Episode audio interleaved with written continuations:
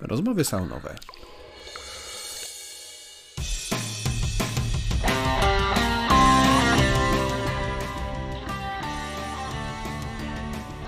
Witam w podcaście Sauna Grow.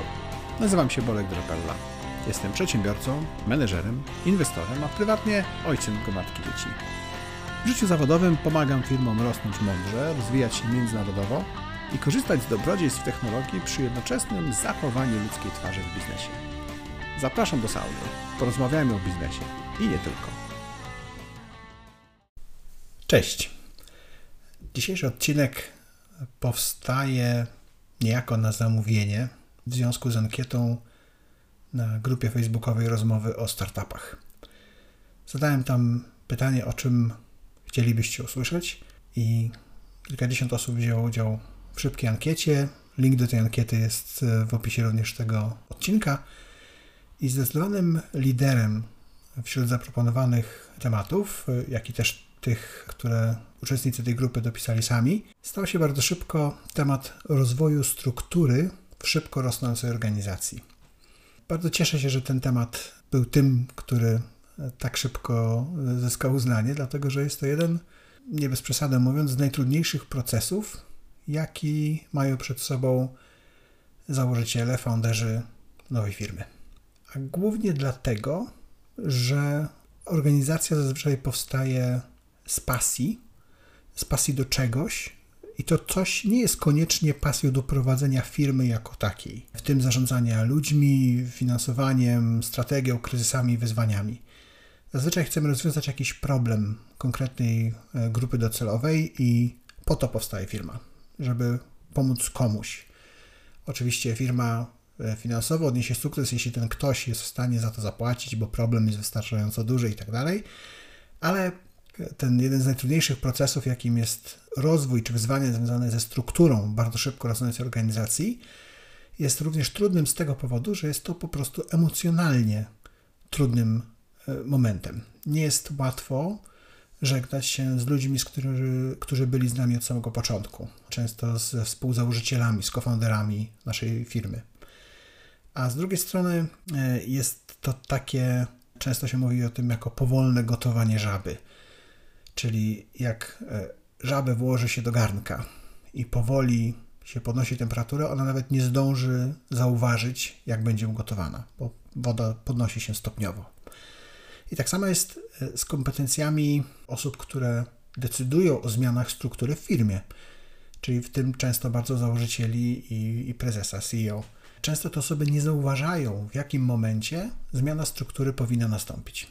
Naturalnym jest, że ludzie rosną razem z organizacją, ale bardzo często nie rosną wystarczająco szybko. I mimo, że się zmieniają, że są coraz bardziej dojrzali, gotowi do funkcji, którą pełnią, to jeśli firma naprawdę szybko się rozwija, to często to przerasta nawet e, szybko rozwijające się osoby. No i przede wszystkim zasady nie lubimy zmian, więc ich unikamy. Więc jeśli coś działa dobrze, to wolimy, czy mamy takie przeświadczenie, że lepiej tego nie zmieniać, bo coś zepsujemy. Gdzie tak naprawdę, znowu wracając do tego gotowania żaby, nie jesteśmy często świadomi, że mogłoby to działać znacznie lepiej, gdyby było to zorganizowane inaczej. I jeszcze jeden aspekt, e, dlaczego to jest trudne. Jak organizacja szybko rośnie, to często ten element kompetencji, jakiejś takiej e, weryfikacji i czasami też zwalniania pracowników nie jest przekazywany do mid managementu, szczególnie jeśli ten top management czy grupa założycieli nie ma tych kompetencji. I te kompetencje zmieniają się bardzo szybko z rozwijającą się firmą i bardzo szybko sam szef i założyciele powinni sobie zdać z tego sprawę. Często mówi się o tak zwanej technice A-players, czyli gdzie kluczowym w doborze osób w firmie jest zatrudnianie najlepszych, tak? czyli tych, tych tak zwanych A-players bo tylko takie osoby będą w stanie dalej zatrudniać najlepszych. Osoby o niższych predyspozycjach i kompetencjach, czyli. Tak B-players, często bałyby się bycia zastąpionymi, co oznacza, że będą zatrudniać C-players tak? i tak dalej, i tak dalej.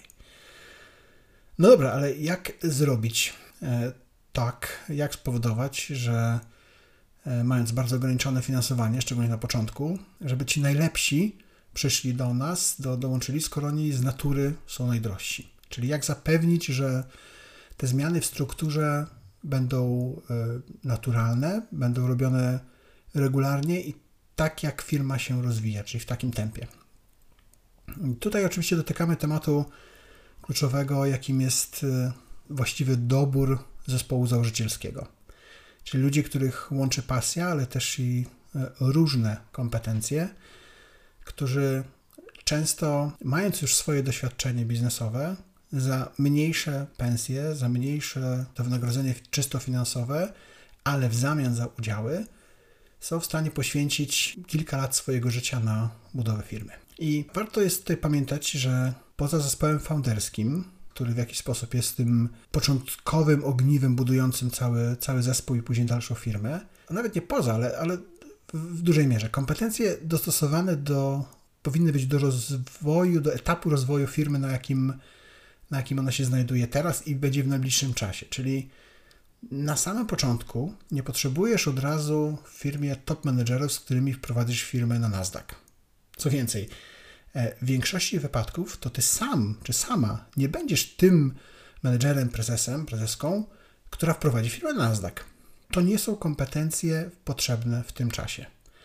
I w momencie, kiedy sam właściciel, właścicielka biznesu będą świadomi, że oni sami nie są ich, ich nazwisko w firmie nie jest wryte w kamieniu, nie są w niej na zawsze, tylko że w pewnym momencie będą musieli podążać za tymi potrzebami zmian i sami też będą musieli odejść z firmy po to, żeby oddać swoje miejsce osobie bardziej pasującej na tym etapie do rozwoju firmy, to łatwiej będzie takie myślenie, taką pamięć, taką, taką troskę o, ten, o, o jakby nieprzegapienie tego momentu przekazać również innym współzałożycielom, później dalej top managementowi, jak już nie będzie to to samo, że założyciele to jest top management, mid managementowi i tak dalej. Natomiast tutaj, tak jak wspomniałem, kluczowe są kompetencje założycieli na samym początku. Ta różnorodność, miks kompetencji, wspominam trochę o tym w odcinku numer 10 o różnorodności, więc zachęcam też do odsłuchania.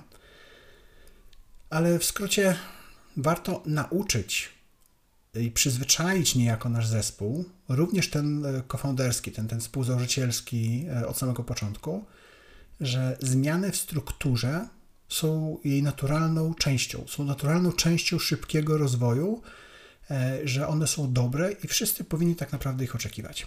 Te zmiany w strukturze nie zawsze oznaczają zmiany osobowe czy też żegnanie się z pracownikami, ale czasami to właśnie po tym można poznać dojrzałych menedżerów, że oni nie będą naginać strategii struktury do dostępnych zasobów ludzkich, do osób, które są obecnie w zespole, ale dobierać najlepsze osoby do etapu i do realizacji celu i rozwoju spółki. Tutaj z kolei bardzo mocno pomaga odcinek siódmy o zarządzaniu odchodzeniem ludzi, czyli tak zwany Managing People Out, gdzie mówię, jak poniekąd zweryfikować, czy dana osoba pasuje do zespołu na jego obecnym etapie, jak komunikować się z taką osobą, jak dać jej jasny sygnał o tym, że może i to stanowisko nadal się nazywa tak, jak się nazywało, ale teraz oczekujemy czego innego jako firma od tego, e, od tego stanowiska i, ja jako szef od, e, od osób, które, które tym się zajmują.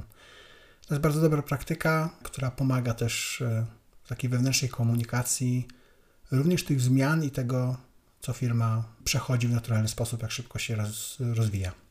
I Kolejną myślą jest to, co bym bardzo serdecznie polecał, że dobrą praktyką w takim procesie naturalnych zmian y, w strukturze szybko rosnącej organizacji jest konsultacja zewnętrzna od kogoś, kto faktycznie był w podobnej sytuacji. Prowadził podobny dział, na przykład nie wiem, dział produktu, marketingu, dział IT w, w konkretnej firmie, jeśli, jeśli y, macie przed sobą wyzwanie związane ze strukturą danego działu, jak on powinien wyglądać, albo też w ogóle prowadził firmę na analogicznym etapie, jak ten, e, w którym obecnie jesteście lub w który wkraczacie. Takie zewnętrzne spojrzenie często pomaga zobaczyć, dostrzec z dystansu, jak e, wygląda nasz zespół. Uda się zobaczyć coś, co, co na co dzień nie jest takie oczywiste. Czyli żeby się jakby tutaj e, oderwać od tego efektu powolnego gotowania żaby, w którym możemy po prostu nie zauważyć, że idziemy niewłaściwą drogą. Czyli podsumowując, Pamiętajcie o tym, że zmiany w strukturze są naturalne. To, jak wygląda firma e, teraz, będzie i powinno być zupełnie czym innym niż to, jak ta firma będzie wyglądała za dwa lata. I na pewno jest już w tej chwili czym innym niż to, czym ten zespół, firma e, była jeszcze pół roku temu, rok temu. Należy się nie tylko jakby przygotować na to, ale traktować to jako coś, co jest pewnym, może nawet można powiedzieć, pochlebstwem do rozwoju firmy. Skoro firma się rozwija, naturalnym jest, że potrzebuje innych kompetencji, innych często ludzi, albo przynajmniej innego stylu pracy tych ludzi. Nie bójcie się tych zmian. Pamiętajcie o tym, żeby pytać innych. Czasami też e, inne osoby w innej organizacji, o tym też e, poruszałem w jednym, w jednym z moich odcinków, a czasami są to osoby po prostu, które były tam, gdzie wy chcecie dojść. I nie były tam wiele lat temu i mają już firmy w tej chwili 10-20 razy większe od waszej, ale były tam 2-3 lata temu i jeszcze pamiętają, przed jakim wyzwaniem stały wtedy i są w stanie wam pomóc w tej drodze, która jest przed wami. Nie bójcie się, pytajcie innych o radę, a wtedy na pewno z strukturą nie będzie tak strasznie. Dzięki, miłego dnia. Podobał Ci się ten odcinek? Bardzo prosimy, oceń nasz podcast w Twojej ulubionej platformie streamingowej. Jeśli możesz, podziel się linkiem z tego odcinka w social mediach, np. na LinkedInie czy Facebooku. Dzięki temu możemy sprawnie działać i nagrywać kolejne podcasty. Z góry serdecznie dziękujemy za tak okazane wsparcie.